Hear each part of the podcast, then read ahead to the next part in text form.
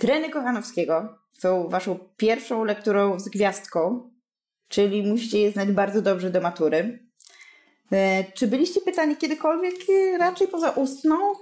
Nie. Ale jak już poznacie te treny, to myślę, że zawsze będzie wam łatwiej się odwoływać. No i jeszcze w tych interpretacjach, czy w interpretacji porównawczej pojawia się Kochanowski.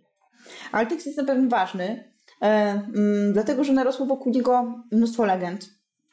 I te legendy to chociażby takie, że ta biedna Orszulka to jest ojciec, który cierpiał.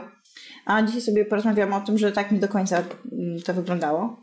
E, ale też e, to, co Wam powiem, nie jest po to, żeby zdyskredytować e, jakkolwiek Kochanowskiego i trenera, wręcz przeciwnie. Chcę Wam pokazać, na czym polega kunszt poetycki Kochanowskiego.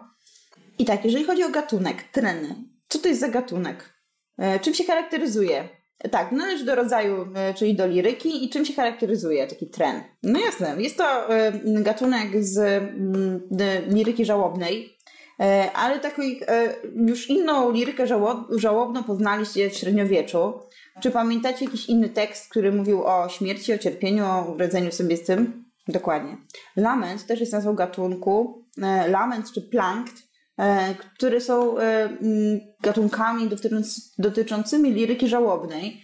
Różnica jest jednak bardzo widoczna, bo w trenach Mówię o tym, że ktoś wybitny umarł i zachwalam jego dokonania. Mówię o tym, jak świat będzie cierpiał po tej wybitnej jednostce. A w lamencie czy w plankcie skupiam się na swojej rozpaczy. Tak jak to ja cierpię, że ktoś e, odszedł z tego świata i że już go nie będzie. Więc widzicie, mamy po prostu kwestię tego nacisku, kto jest tutaj ważniejszy, kto staje się podmiotem. To nam odróżnia te dwa gatunki. I już to powinno Wam dać do zrozumienia wiele, że te treny Kochanowskiego nie będą typowymi trenami. Oczywiście tren jest gatunkiem, który wywodzi się z antyku. E, mamy takich twórców jak chociażby mm, Simonidesa, który był twórcą różnych lamentów e, czy trenów, e, czy chociażby Heraklit z Efezu, którego nazywano wręcz w starożytności pesymistą i który skupia się na tych tematach odchodzenia, tematach śmierci. I oni też tutaj będą duchowymi ojcami tych trenów. Czyli mamy jak to człowiek renesansu Kochanowskiego, który będzie nam się odwoływał do antyku. I przy omawianiu trenów będę chciała, e, żebyście sobie wypisywali różne rzeczy, czyli właśnie będziemy mieć tabelkę odwołania do antyku, to na pewno. E, będziemy mieć określenia śmierci, określenia orszulki, jakby te trzy rzeczy będę chciała, żebyśmy sobie koniecznie wypisywali ze wszystkich 19 trenów. Dobra? Co jeszcze różni treny? Treny jako gatunki, z reguły to był jeden, drugi utwór, który właśnie w taki w stylu podniosłym e, pisał o śmierci wybitnej jednostki. I jakby już znacie treny z poprzedniej e, szkół, z poprzedniej edukacji, z poprzednich etapów, e, to wiecie, że to nie jest jeden trend, tylko jest ich więcej, a dokładnie 19. I to też warto, żebyście sobie zapamiętali. Czyli mamy gdzieś bazę jako gatunek tren, że będziemy pisać o tym kimś, kto umarł i jak smutno jest na świecie bez niego. Ale po pierwsze, nie jest to żadna wybitka, wybitna jednostka, to nie jest żaden wódz, to jest dziecko. Więc tu już mamy zmiany. Pierwsze odejście. Drugie, Zamiast jednego mamy cykl 19 trenów. Oprócz tego, że to jest tren, to jeszcze musimy sobie wytłumaczyć, dlaczego jest ich 19 tych trenów. I, i to jest y, rzecz niezwykła. E, mianowicie mm, Kochanowski nie tylko wykorzystuje antyczny wzorzec, jakim e, są e, treny, ale on go łączy jeszcze z epicedium.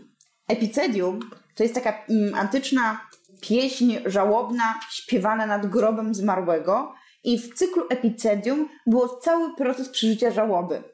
To długo trwało. Pamiętacie jeszcze kiedyś w Polsce, jeszcze nawet w latach 60., wystawiane były często zwłoki w mieszkaniach i przychodziły różne osoby się żegnać z tym zmarłym, modlić za niego.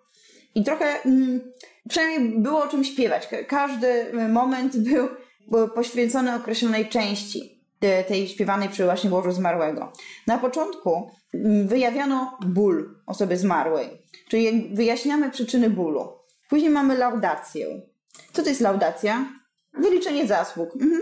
Czyli mm, dlaczego on był taki wyjątkowy. Później dochodzi się do procesu opłakiwania. Jak świat i my wiele straciliśmy, że ktoś umarł. Następny mm, etap to jest konsolacja.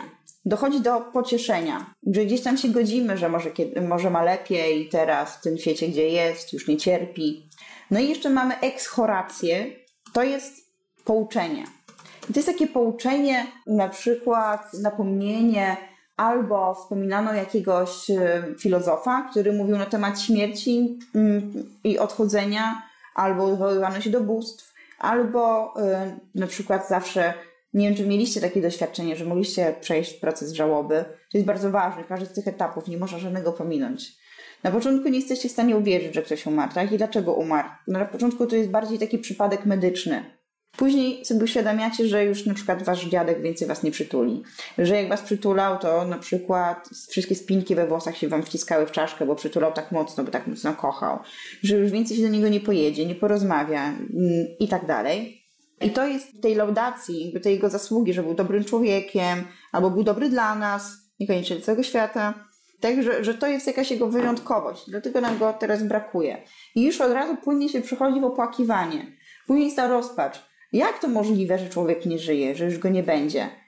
Tego nie można zrozumieć. Ludzki umysł nie potrafi tego pojąć, że nagle jest pustka.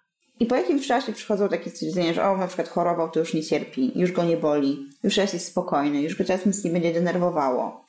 I nagle można dojść do tej ekschoracji, to jest potrzebne, że na przykład dowiadujemy się, że przeżył życie i każdy ma swoją drogę, albo że chrześcijanie nie powinni płakać na pogrzebach, bo przecież wierzą w życie pozagrobowe. Tak jakby to jest, jesteśmy w ciągłej drodze. To jest taka ekskoracja. Bardzo ważne jest przejście każdego z tych elementów. Treny, właśnie to drugie wydanie trenów e, Kochanowski e, robi w 1583, a to pierwsze w 1580. 8.3 to jest drugie wydanie. I to drugie wydanie będzie miało w sobie jeszcze jeden tekst. Jak się nazywa napis nagrobny? Też kolejny gatunek takiej liryki, że epi, pamiętacie epimeteusz? Epitafium. To jest napis nagrobny. I e, ten, to drugie wydanie, czyli to, które dzisiaj możemy czytać, e, ono jest opatrzone właśnie tym epitafium Hannie Kochanowskiej. No i teraz po kolei, dlaczego jednej 19 trenów, a drugiej tylko 4 wersy. Całość zaczyna się nam od mm, dedykacji Orszuli Kochanowskiej, wdzięcznej, ucieszonej, niepospolitej dziecinie, która cnót wszystkich, wszystkich i dzielności panieńskich początki wielkie pokazawszy, nagle nieodpowiednie w niedoszłym wieku swoim, z wielkim, a nieznośnym rodziców swym żalem zgasła. Jan Kochanowski, niefortunny, ojciec swojej najmilszej dziewce z łzami napisał Nie masz cię, Orszulo moja. Mamy dedykację. Niefortunny. Rozmawialiśmy ostatnio o fortunie, tak? Stąd też niefortunne zdarzenie, nieszczęśliwe, tak? Nieszczęśliwy ojciec. Dlaczego to epicedium jest ważne? Mianowicie e, Kochanowski w całym cyklu trenów połączył dwie rzeczy: tren antyczny i epicedium antyczne. To pokazuje już, mm, jaki ten człowiek był zdolny. To jest już naprawdę duży kunszt. I w ten cykl epicedium macie dokładnie wpisany też cykl trenów. Zatem pierwszy tren, wyjawienie przyczyn bólu, tak, to mamy to. Później treny od drugiego do ósmego to będzie laudacja, wielka pochwała cnót zmarłej. Treny 9 i 11 dla nas bardzo ważne, to jest to opłakiwanie. I tutaj dochodzi do kryzysu renesansowego optymizmu. Tu jest złość wobec tej śmierci, trudność z zrozumieniem tej śmierci i tutaj Kochanowski będzie mm, tracił wiarę we wszystko, co do tej pory wierzył jako człowiek renesansu, renesansowy humanista. Czyli odrzuci stoicyzm, odrzuci wiarę w Boga i odrzuci wiarę w cnotę. E, później mamy po tym e, złości, po tym kryzysie, który jest tutaj na górze, tym apogeum żałoby, e, konsolację, czyli pocieszenie. I te treny już będą zupełnie inne. Są treny od 12 do 18.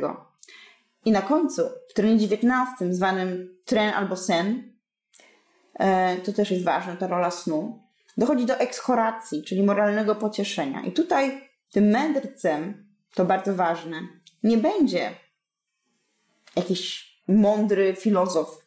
Oczywiście cały czas duchowym przewodnikiem jest Cyceron jako stoik, ale słowa Cycerona wypowie matka poety. To będzie kobieta, która będzie miała tę mądrość, czyli babka Orszulki, będąc w tym świecie przedstawionym, który tu mamy. Mamy połączenie trenu i epicedium. I w cykl epicedium mamy wpisany cykl 19 liryków, trenów. Więc mamy dedykację, jak niefortunny ojciec, ociec na dodatek i dopiero zaczynają nam się treny. To ja czytam. Wszystkie płacze, wszystkie łzy heraklitowe i lamenty i skargi simonidowe, wszystkie troski na świecie, wszystkie wzdychania i żale i frasunki i rąk łamania, wszystki a wszystki zaraz w dom się mój noście, a mnie płakać mej wdzięcznej dziewki po moście, z którą mię niepobożna śmierć rozdzieliła i wszystkich moich pociech nagle zbawiła. Tak więc smok, upatrzywszy gniazdo kryjome słowiczki liche zbiera, a swe łakome gardło pasie. Tymczasem matka szczebiece uboga, a na zbójce coraz się miece próżno, bo i na samę okrutnik zmierza, a ta nieboga ledwie umyka pierza. Próżno płakać. Podobno drudzy rzeczecie. Cóż, przebóg żywy nie jest próżno na świecie. Wszystko próżno. Macamy gdzie miejsce w rzeczy, a ono wszędzie ciśnie. Błąd.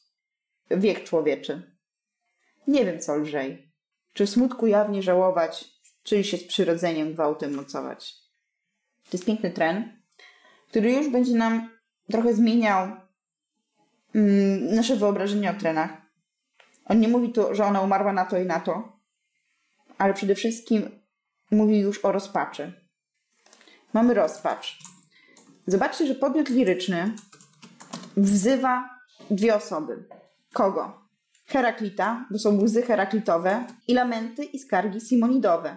Heraklit z Efezu w takim razie się pojawia jako taki duchowy przewodnik, tak, jeden z przewodników, i Simonides jako autor lamentacji, trenów, epitafiów. I oni, po co są tutaj przywołani? Co on od nich chce? Wszystkie płacze, wszystkie łzy heraklitowe i lamenty i skargi simonidowe, wszystkie troski na świecie i wszystkie wzdychania i żale i frasunki i rąk łamania, wszystkie, a wszystkie zaraz w dom się mój noście. Tak, on przywołuje te wszystkie możliwe załamywania rąk, każdy ból, każde ludzkie cierpienie, on je zaprasza do domu właśnie po to, żeby podzielić się, e, w sensie, żeby ktoś mu pomógł w tym wyrazić ból, jaki on czuje. Kojarzycie, że jak są wystawione zwłoki w kaplicach, to często są tam takie na przykład starsze panie, które inicjują pieśni. I one mają zawodzący głos. To nawet dzisiaj jeszcze funkcjonuje. E, kiedyś była instytucja płaczki. Wynajmowało się takie panie na pogrzeby, żeby płakały. Bo strata nie mieści się gdzieś w ludzkiej głowie i mamy wrażenie, że nieważne jakbyśmy płakali czy zamykali się w sobie, każdy inaczej to odczuwa, to nie jesteśmy w stanie wyrazić tego, co naprawdę mm, czujemy. Nie mamy sposobów wyrazu bólu. I dlatego potrzebujemy wsparcia innych. Dlatego się składa kondolencje też, tak? że bardzo Ci współczuję. Rozumiem, jestem z Tobą w Twoim bólu. Ja Cię wspomagam w bólu. Nie na zasadzie nie płacz, tylko płaczmy razem. To jest bardzo potrzebny mechanizm. I właśnie tutaj Kochanowski, jako ten podmiot liryczny, na początku zaprasza do swojego domu całe to cierpienie. I mówi, że mnie płakać mojej wdzięcznej dziewki po moście, z którą mnie niepobożna śmierć rozdzieliła. Śmierć jest tutaj nazwana niepobożną, czyli jaką? To jest y, brak jakiejś równowagi, on zaburza równowagę w świecie, którą daje Bóg, przecież Bóg to harmonia. Nie? To jest zaburzenie tej równowagi. I dalej. Pozbawiła go ta śmierć niepobożna wszystkich jego radości, tak pociech. I tak więc smok upatrzywszy gniazdko kryjome, słowiczki liche zbiera, a swe łakome gardło pasie. Tym samym, tymczasem matka szczebiece uboga, a na zbójce coraz się miece próżno, bo i na same okrutnik zmierza, a ta nieboga ledwie umyka pierza. Tu mamy porównanie homeryckie. Co do czego jest porównane? Orszulka za tym jest pisklęciem, tak? Upiskleł słowik. I matka niewiele może zdziałać. Nie jest w stanie y, sama sprzeciwić się takiemu oprawcy. I dalej. Ludzie mu mówią, e, próżno płakać. Próżno płakać, czyli nic nie zdziałasz płaczem, szkoda płaczu, już nic nie zrobisz. A on mówi, a co nie jest próżno na świecie? Tak, wszystko próżno. Czyli nic nie ma sensu. Macamy gdzie więcej rzeczy, a ono wszędy. wszędy ciśnie. Błąd wiek człowieczy. Błąd wiek człowieczy. Co on tutaj wyraża tym, tym słowem? Pamiętajcie, że mamy język staropolski. To jest e, parafraza z psalmu 39, e, którą też pisał przecież Kochanowski i tłumaczył te psalmy. I on tutaj ma zamiar powiedzieć ten błąd wiek człowieczy, że po prostu życie ludzkie to wieczne błądzenie. W tym sensie. Czyli my nic nie wiemy. Jak szukamy jakiejś odpowiedzi. Czy kiedykolwiek znajdziemy? No nie, no jedni mówią to, drudzy to. To są wszystko nasze przeczucia. Czyli zapada się człowiekowi grunt pod nogami, kiedy takie rzeczy mówi. I dalej. Nie wiem, co lżej. W tym sensie, że nie wiem, co powinienem robić, co byłoby lepsze. Czy w smutku jawnie żałować, czyli żeby ukazywać swój, żal, swój, swój ból, czy się z przyrodzeniem gwałtem mocować, czy go ukrywać. To jest pytanie stoika. Czy ja mam jawnie pokazywać, żalić się, skarżyć na swoje nieszczęście, czy jednak powinienem to ukryć, bo pamiętajcie, że ten stoik to wszystko sobie jest w stanie wytłumaczyć. I to był trend pierwszy, więc widzimy człowieka obolałego, takiego bez nadziei już na lepsze życie. Przechodzimy dalej. Trend drugi. Mamy tutaj w zapowiedziach naszego e, cyklu Epicedium z tą górką, że trend drugi będzie nam zaczynał już laudację, ale to przychodzi dość e, płynnie, to nie będzie takie sztuczne. Więc zaczynamy trend drugi. Trend drugi, tutaj on wyraża, z czego wynika ten ból. Jak już nam mówi więcej. Mówił o tym, że pisał dotąd fraszki i to mu się wydawało, jak sama nazwa wskazuje, fraszka to błahostka, więc to były błahostki. I nagle życie go zaskoczyło, bo wolałby jednak pisać te błahostki. Dzisiaj musi płakać nad głuchym grobem najwdzięcznej dziewczyny i skarżyć się na srogość ciężkiej Prozerpiny. Czyja to srogość jest? Kim jest Prozerpina? Persefona. Czyli mamy tutaj odwołanie. A Persefona to? Żona Hadesa, Plutona. On tutaj się odwołuje bardziej do tej e, rzymskiej wersji, prawda, skoro korzysta z tej Prozerpiny. E, Plutona, czyli władczyni krajów cieni i duszy zmarłych. I to jest jej srogość. Więc widzimy, że tutaj już mamy cały czas jednak te odwołania do antyku, one będą nieustannie. I dalej on mówi, że to go nagle zaskoczyło, że on się tego nie spodziewał. I nagle nie chciałem żywym śpiewać, już nie chciał pisać tych fraszek. Na przykład mówi, tak, takich ciągle radosnych tematów. Dziś umarłem muszę. I opłakując cudzą, opłakując cudzą śmierć u swojej córki, swoje kości słyszę, się czuje jakby umierał za życia. I mówi o prawo krzywdy pełne. To jest y, odwołanie do łacińskiej dywizji summum jus summa iniuria. Tak to się tłumaczy, więc on też tutaj cały czas z tymi e, e, łacińskimi sformułowaniami tutaj działa o znikomych cieni, czyli znikających cieni sroga nieubłagana ksieni. Ksieni, tu w sensie nie chodzi o przestrzeń, tylko nieubłagana, nieużyta księżno. To jest pokaz, odwołanie znowu do, e, do tej śmierci. Idziemy dalej. I dopiero nam teraz tłumaczy, że jego orszulka bardzo wcześnie umarła, bo jeszcze żyć na świecie nie, umiasz, nie umiawszy, musiała w rannym umrzeć lecie. I nie napatrzywszy się jasności słonecznej, poszła nieboga w kraju w nocy wiecznej. I on tu zostawia nam, zobaczyć światło i ciemność. Że to dziecko nie zdążyło się napatrzeć na światło, a już jest w jakiejś wiecznej ciemności. Noc wieczna. Tak? Czyli ta śmierć to też jest noc wieczna. A nie miała nawet czasu na oglądać tego światła. Bo poznała tylko narodziny i śmierć. A to, co była winna rodzicom, czyli miasto pociech, czyli mnóstwo radości, jakie mogła im dać, właściwie pozostawiła po tym tylko jakiś wieku dziurę, jakiś smutek. I teraz będzie trzeci. Trzeci myślę, że znacie, chociażby początek, będzie wam się kojarzył. Zgardziłaś mną, dziedziczko moja ucieszona. Zdałaś się mieć się ojca twego bardziej uszczuplona ojczyzna, niż byś ty przestać na niej miała. To prawda, żeby była nigdy nie zrównała z ranym rozumem Twoim z pięknymi przymioty, z których się już znaczyły Twoje przeszłe cnoty. O słowa, o zabawę, o wdzięczne ukłony, jakożem ja dziś po Was wielce zasmęcony. A Ty, pociecho moja, już mi się nie wrócisz, na wieki ani mojej tęsknicy okrócisz. Nie lza, nie lza. Jedno za Tobą gotować, a stopeczkami Twymi Ciebie naśladować tam cię ujrzał. Da Pan Bóg. a ty więc drogimi rzuć się ojcu do szyi ręczynkami swymi. To już mamy apostrofę do Orszulki. Mówi, nazywa ją y, dziedziczką ucieszoną. Jest tutaj też wyraz żalu, bo mówi, że ona wzgardziła jego miłością, tak? No bo odeszła. I dla niego ojczyzna nagle się zmniejszyła, jak już nie ma Orszulki. Bo jak myślał o ojczyźnie, to było właśnie być może jego rodzina, jego mały świat. I teraz nagle te wszystkie pojęcia trochę tracą znaczenie. I ona odeszła ze wszystkimi swoimi przymiotami pięknymi, z rozumem, przyszłymi cnotami, które już się zarysowywały. Tak to widzi ojciec, jako podmiot, liry, podmiot liryczny jako ojciec. I wszystkie jej słowa, zabawy, jakieś wdzięczne dygnięcia, ukłony, to wszystko teraz, jak on wspomina, sprawiało niego wielki smutek. Mówi dalej, a ty pociechą moja, czyli nazywa ją pociechą, tak, czyli dawała mu dużo radości, pocieszała go. Już mi się nie wrócisz na wieki, ani mojej tęsknicy obrócisz. Czyli nie ma, on sobie jakby musi sam uświadomić, że nie ma szans, żebyś powróciła. Ani mojej tęsknicie obrócisz, e, możemy to rozumieć, że po prostu nie jesteś w stanie już zmniejszyć mojego smutku, bo, bo odeszłaś, już mnie nigdy nie pocieszysz. I to jest takie borące. Nie lza, nie lza. Jedno się za tobą gotować, a stopeczkami twymi ciebie naśladować.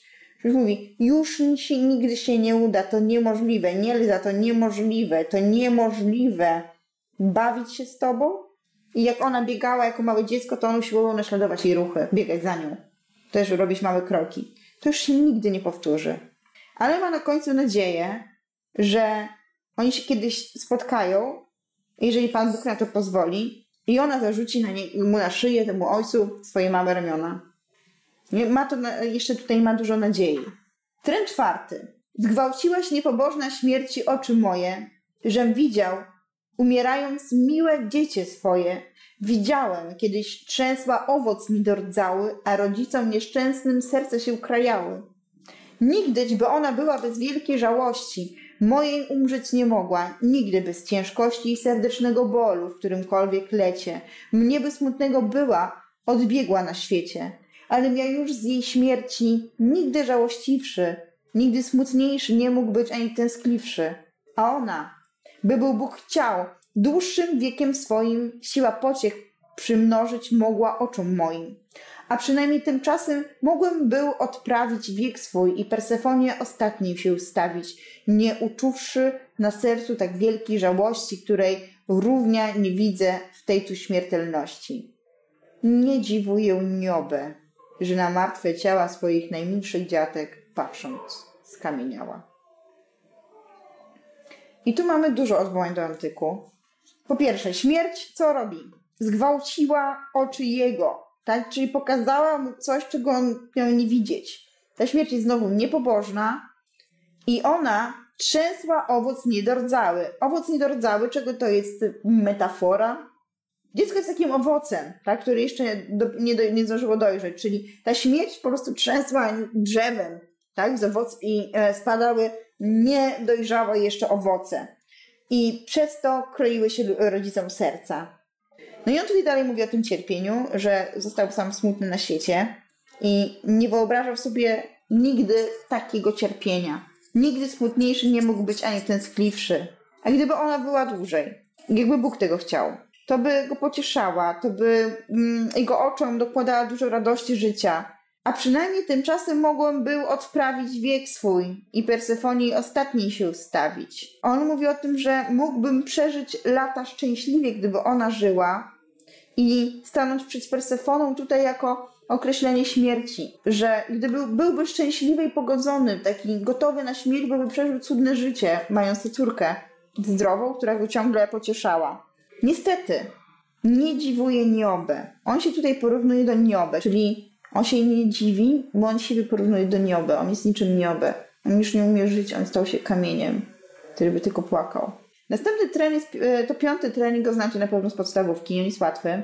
E, ten trening jest wielkim, jednym wielkim porównaniem homeryskim, w którym porównuje się orszulkę do oliwki. Jako oliwka mała pod wysokim sadem idzie z ziemi ku górze macierzyńskim śladem. Jeszcze ani gałązek, ani listków rodząc, sama tylko dopiero szczupłym prądkiem schodząc. Tę jeśli ostre cielnie lub rodne pokrzywy uprzątając sadownik podciął ukwapliwy. Mdleje zaraz, a zbywszy siły przyrodzonej upada przed nogami matki ulubionej. Tak ci się mej najmilszej orszuli dostało. Przed oczyma rodziców swoich rosnąc, mało od ziemi się co wzniosłszy duchem zaraźliwym, srogi śmierci otkniona rodzicom tęskliwym u nóg martwa upadła. O zła Persefono, mogłażeś tak wielu łzam dać upłynąć płoną? Czyli pozwoliłaś po prostu na coś takiego, tylu łzą wypłynąć nadaremnie. Czyli mamy Orszulkę jako oliwkę, a śmierć jako sadownika, który przez nieuwagę, ścinając chwasty, wyrwał też małe drzewko, które wrastało przy dużym drzewie, tak? czyli przy matce. To ten sadownik to zrobił. No i znowu jest ta zła Persefono, tak? czyli Persefona jako, jako śmierć.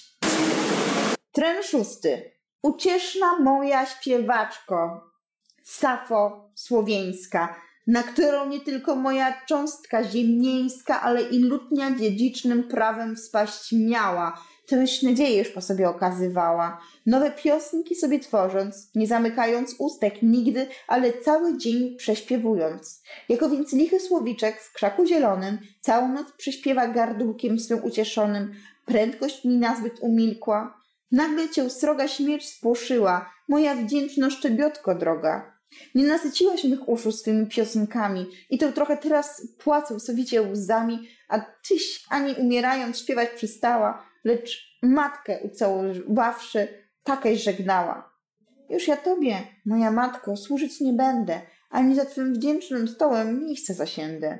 Przyjdzie mi klucze położyć, samej precz jechać, domu rodziców swych miłych i wiecznie zaniechać. To i czego żal ojcowski nie da serdeczny, przypominać więcej, był jej głos ostateczny. A matce, słysząc żegnanie tak żałośliwe, dobre serce, że od żalu zostało żywe. Słuchajcie, tutaj mamy już bardzo rozbuchaną wyobraźnię poetycką, ponieważ skoro bohaterką trenów jest córka podmiotu lirycznego, który jest małą dziewczynką, on tam dalej tu będzie tłumaczył, że ona tam miała dwie wiosny zaledwie, tak, czyli dwa latka, że to dziecko przed śmiercią nie mogło mówić do matki, już ja tobie, moja matko, służyć nie będę, ani za twym wdzięcznym stołem miejsce zasiędę, przyjdzie mi klucze położyć, samej precz jechać, domu rodziców tych miłych wiecznie zaniechać. Tutaj z bólu dochodzi do wielkiej hiperboli i odchodzimy od realizmu. Ale to, co jest istotne, on w stronie szóstym nazywa ją ucieszną swoją śpiewaczką Safą Słowiańską. Czyli do kogo się odwołuje? Ucieszna śpiewaczka, Safo, Safo słowiańska. A jak się nazywała antyczna poetka? Safona. I on uważa, że jego córka już też miała taki dar poetycki. I jeszcze mówi, że nie tylko ona miała być dziedziczką jego cząstki ziemiańskiej, ziemieńskiej, czyli dziedziczką jego włości, ale miała być też dziedziczką lutni. To jest ważne. Co to znaczy? Że on widzi, że ona miała ten y, talent. I ona, cały, ona jako małe dziecko cały czas uczyła się słów, tworzyła, sama wymyślała piosenki. Nowe piosenki sobie tworząc, nie zamykając ustek nigdy, ale cały dzień przyśpiewując. Tak cały czas to robiła. I mm, całą noc przyśpiewała gardkiem swym ucieszonym i nagle umilkła, bo znowu sroga śmierć ją spłoszyła, czyli ją zawstydziła, przerwała jej ten śpiew. I jeszcze nazywał ją szczebiotką.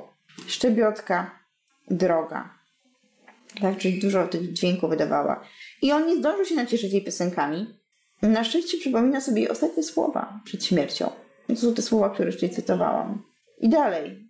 Cieszy się, że się z nimi pożegnała.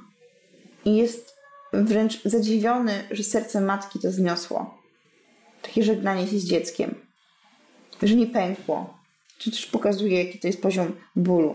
I tu jeszcze ona jest nazywana lichym słowiczkiem w krzaku zielonym. Słowiczek. Już mieliśmy słowik, słowiczek. Mamy te ptaki. Cały czas już mówiliśmy sobie o łabędziach i o słowikach i tutaj ona jest tym słowiczkiem. Malutkim, który pięknie śpiewa. Śpiewać, czyli być poetą, tak? czy też pisać poezję. Tren siódmy. Ten część z Was mogła się uczyć na... Tego trenu mogła się część z Was uczyć na pamięć. Nieszczęsne ochrędustwo. Żałosne ubiory mojej najmilszej cory Po co me smutne oczy za sobą ciągniecie? Żalu mi przydajecie. Już ona członeczków swych wami nie odzieje. Nie masz, nie masz nadzieję. Ujął ją sen żelazny, twardy, nieprzespany. Już letniczek pisany i uploteczki w niwecz i paski złocone, matczyne dary płone. Nie do takiej łożnicy, moja dziewko droga, miała cię mać uboga doprowadzić. Nie takąć dać obiecowała wyprawę jakąś dała. Giezłeczkoć tylko dała, a lichą tkaneczkę. Ojciec ziemię, brełeczkę w główki włożył.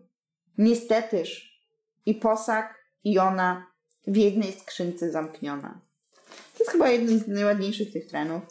Nie wiem, jak wy to odczuwacie, czy w ogóle czujecie między nimi różnicę, czy to jest już dla was taki anachronizm, że to was nie interesuje.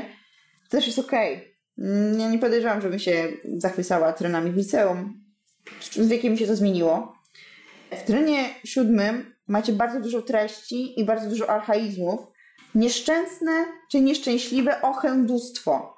Czy znacie słowo ochędustwo? Ochędustwo to są stroje, ozdoby. Czyli mówi nieszczęśliwe twoje stroje, pełne żalu twoje ubrania, tak? Tej jego najmilszej córki. Po co me smutne oczy za sobą ciągniecie, żalu mi przydajecie? Czyli on patrząc na rzeczy, które zostały po tej córce, po prostu cierpi. I on patrząc na te ubrania, wyobraźcie sobie taką sytuację, że na przykład jest w jakiejś izbie, patrzy na te jej rzeczy, e, jest sam i płacze i nie wie, co z nimi zrobić. Ciągle one mu mówią, że już nikt się w to nie ubierze. Już ona członeczków, to wiadomo, nie? E, czyli części ciała, z tymi wami nie odzieje. Nie ma takiej nadziei nawet. I teraz tu, ujął ją sen żelazny, twardy, nie, nieprzespany. Co, czego to jest metafora? Sen żelazny, twardy, nieprzespany. Warto tę metaforę zapamiętać, bo to mi się wydaje, że to jest jedno z ładniejszych określeń tej śmierci, jako sen żelazny, sen twardy. Już letniczek pisany. Słuchajcie, letniczek to jest sukienka letnia. Pisana, czyli kolorowa, wzorzysta. We wzory, dlatego macie pisanki. Czyli ładna, bo ma dużo ozdób. Dlatego jest to podkreślane, że ten letniczek jest pisany. I uploteczki. Uploteczki to są wstążki do włosów. Przecież nie było frotek do włosów. I paski złocone, czyli wszystkie jakieś ozdoby. I które dostałaś od matki, to są, to są dary płone, tak? No nie przydało się to nikomu, no już nie żyjesz, nie potrzeb, jakby nie ma z tego korzystać. I teraz bardzo ważne. Nie do takiej łożnicy moja dziewko droga miała cię mać u Boga doprowadzić. Czyli matka ma córkę doprowadzić do łożnicy, czyli do łoża małżeńskiego. Ma ją wychować na żonę. I tutaj Kochanowski wykorzystuje homonimiczność słowa łoże i y, z takiego łoża małżeńskiego robi łoże śmierci. Nie taką ci dać obiecowała wyprawę, jaką ci dała. Czy, to jest słowa o posagu. Czyli y, matka ci nie dała takiego posagu, czyli tego, co dziewczyna ma wnosić y, do małżeństwa, jaki miała w planach. Giezłeczkoć za to dała. Giezłeczkoć to jest taka e, lniana biała koszula, taka skromna, taka jak, wyobraźcie sobie lnianą taką albę komunijną. Ona po prostu została pochowana w tej giezłeczko, czyli lnianej koszuli. Giezłeczkość tylko dała, a lichą tkaneczkę, tak? Czy to jest takiej lichej tkaniny. A ojciec co jej daje w posagu? Ziemi bryłę, tak wsypie jej ziemię na głowę do trumny. Główki włożył. I tu mam to stwierdzenie, niestetyż i posag, czyli to giezłeczko, i ziemia, i dziewczyna w jednej skrzynce są zamknione, czyli w trumnie. A miało być łoże małżeńskie. I kolejny, dość myślę, znany y, tren ósmy, który mówi o tym, mm, że można znieść ciszy w domu po tym, jak odeszło stąd dziecko. Wielkiś mi uczyniła pustki w domu moim, moja droga Orszulo tym zniknieniem swoim. Pełno nas, a jakoby nikogo nie było. Jedną maluczką duszą tak wiele ubyło. Tyś za wszystkim mówiła, za wszystkie śpiewała, wszystkiś w domu kąciki zawsze pobiegała.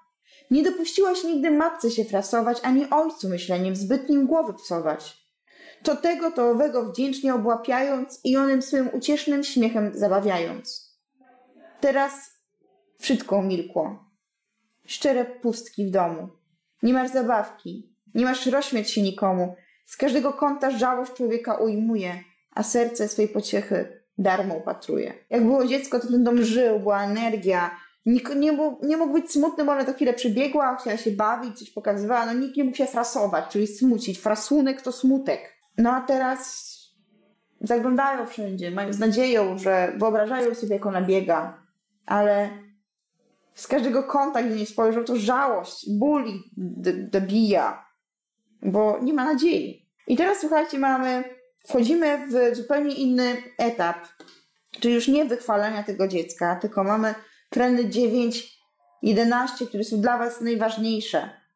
To jest ten kryzys i opłakiwanie jednocześnie, ale i kryzys i dużo złości. Tutaj wyraźna jakaś rozczarowanie i agresja wobec tego, co mu się przydarzyło. Ja to nazywam kryzysem renesansowego optymizmu.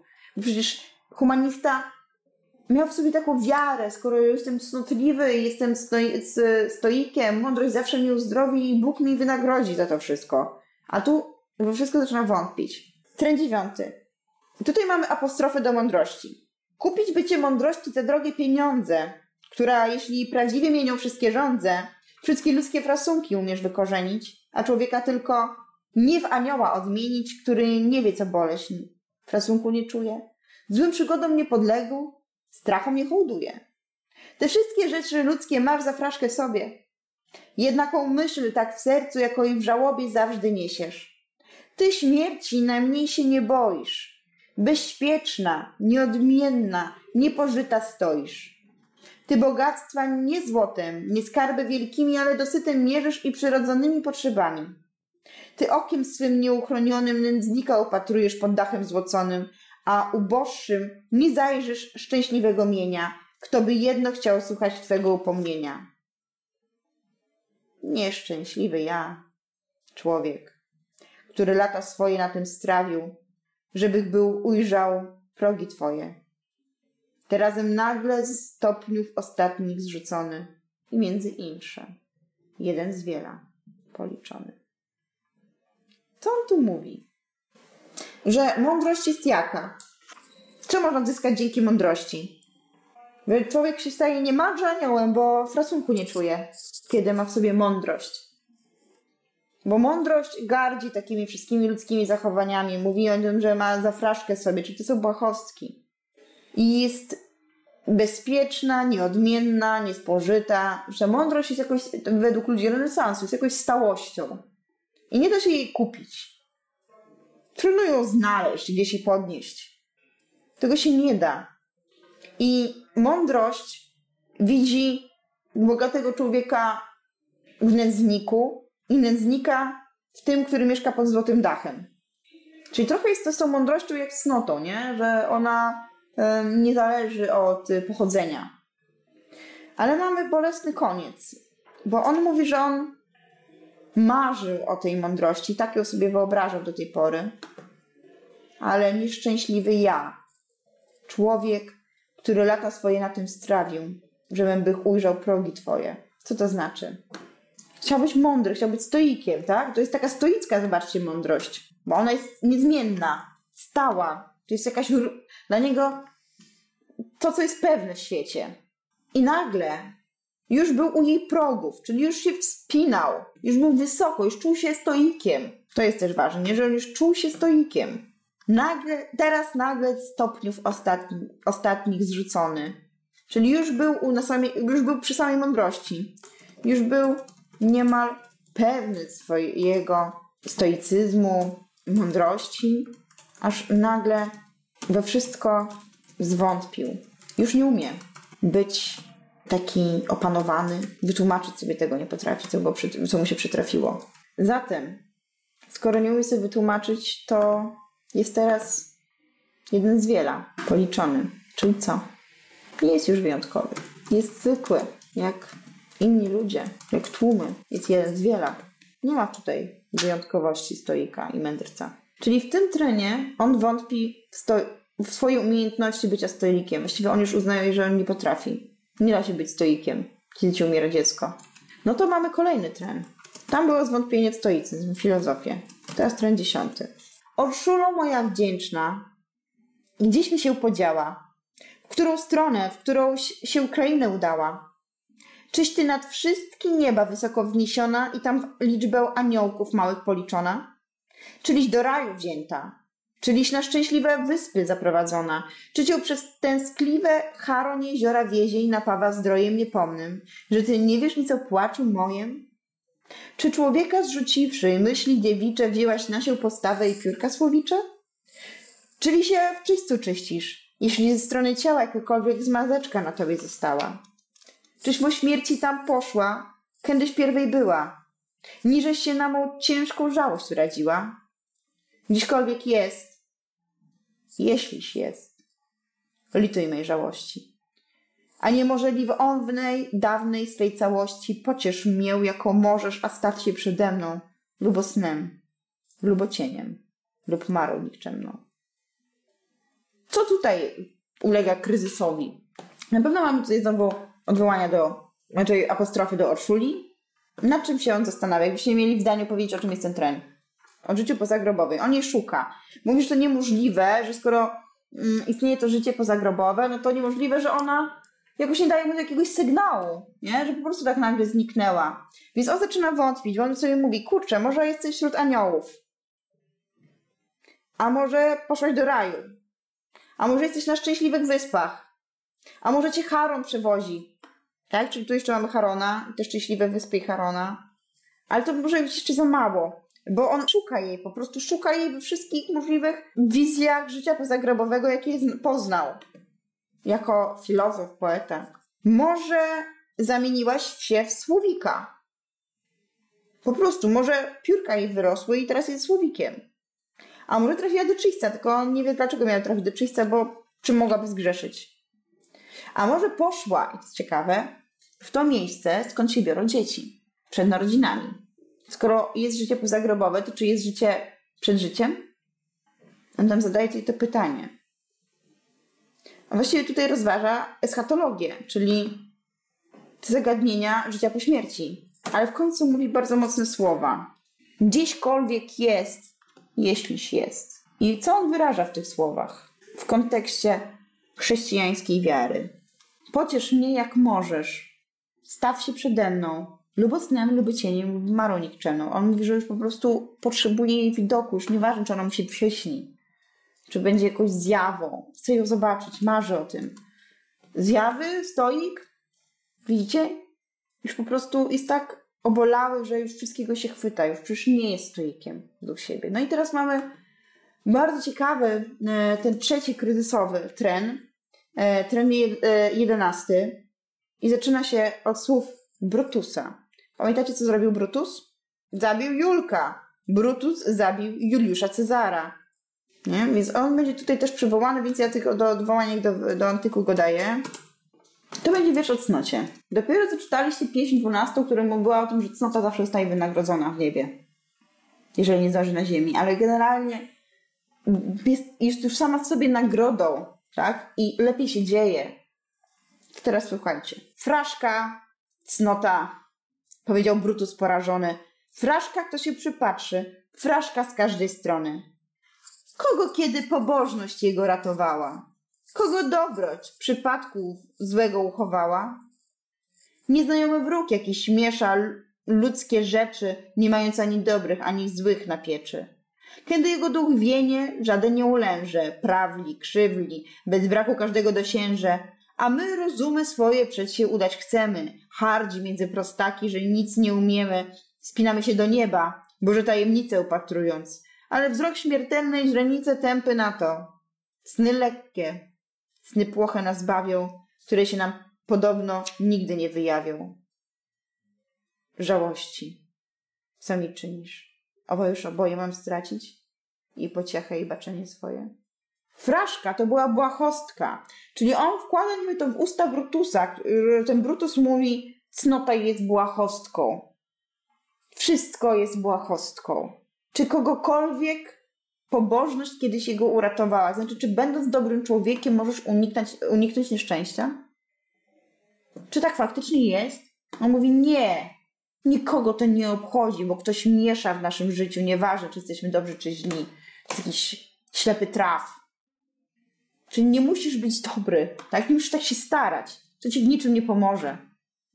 no, chroni cię przed nieszczęściem. I w końcu mówi, no, że lud, ludzie są tępi na to, mają wzrok śmiertelny, źrenice tępy na to, sny, lekkie sny płoche nas bawią, które się nam podobno nigdy nie wyjawią. Czyli nam się wydaje, że jakąś ludzkość, że coś wiemy, ale jak to powie e, Mickiewicz w jednym z sonetów, e, z sonetów krymskich, że co zobaczył, opowiem po śmierci, bo w żyjących języku nie ma na to głosu. Tak? Tutaj ludzie są, nie, patrzą, a nie widzą, po prostu. Patrzą, a nie widzą. Ludzie, ludziom wydaje się, że wiedzą, jak świat, jak świat działa. Nie wiedzą nic. Nigdy nie poznają tajemnic. No i bardzo mocny koniec. Apostrofa do żalu. Żałości, co mi czynisz? Owa już oboje mam stracić i poczochę, pociechę i baczenie swoje. Czyli on mówi, odwołuje się do tego żalu, tego bólu. Co się ze mną dzieje? Co ty ze mną robisz? Straciłem dziecko, mam stracić jeszcze rozum, świadomość, rozsądek, to baczenie. Z bólu. Boi się, że z cierpienia, że z powodu cierpienia nie tylko straci córkę, ale i zmysły, nie? Że oszaleje, po prostu boi się, że z bólu oszaleje. I tutaj mamy koniec, e, koniec tego etapu kryzysowego i od trenu 12 będziemy już mieć pocieszenie. E, te treny będą już inaczej zbudowane, one będą się rymowały. Później pojawią się nam nawet strofy, czyli już będzie podział graficzny. Trend siódmy był o tych ubraniach, które zostały po córce i on przez to, przez to, że nie wie co z nimi zrobić, bardzo cierpi, kiedy je widzi, bo są ślady, że ona tu była. To jest też bardzo ważne pytanie, jak dzisiaj sobie poradzić przecież z przedmiotami po kimś zmarłym. Zachować, trzymać, ciągle patrzeć, ale to też nieustannie cierpieć. Tak, bo nie uwolnimy rozumu, nie będziemy potrafili dalej żyć, bo cały czas będziemy mieć po prostu e, komnaty pamiątek po kimś zmarłym. Czwarty to ten, co on się porównuje do Niobę. O tym, że on, że on cierpi tak jak ta matka e, zamurowana. A w ona była safoną słowiańską, czyli tą poetką. To na dzisiaj Wam bardzo dziękuję i męczę Was jutro. Do zobaczenia.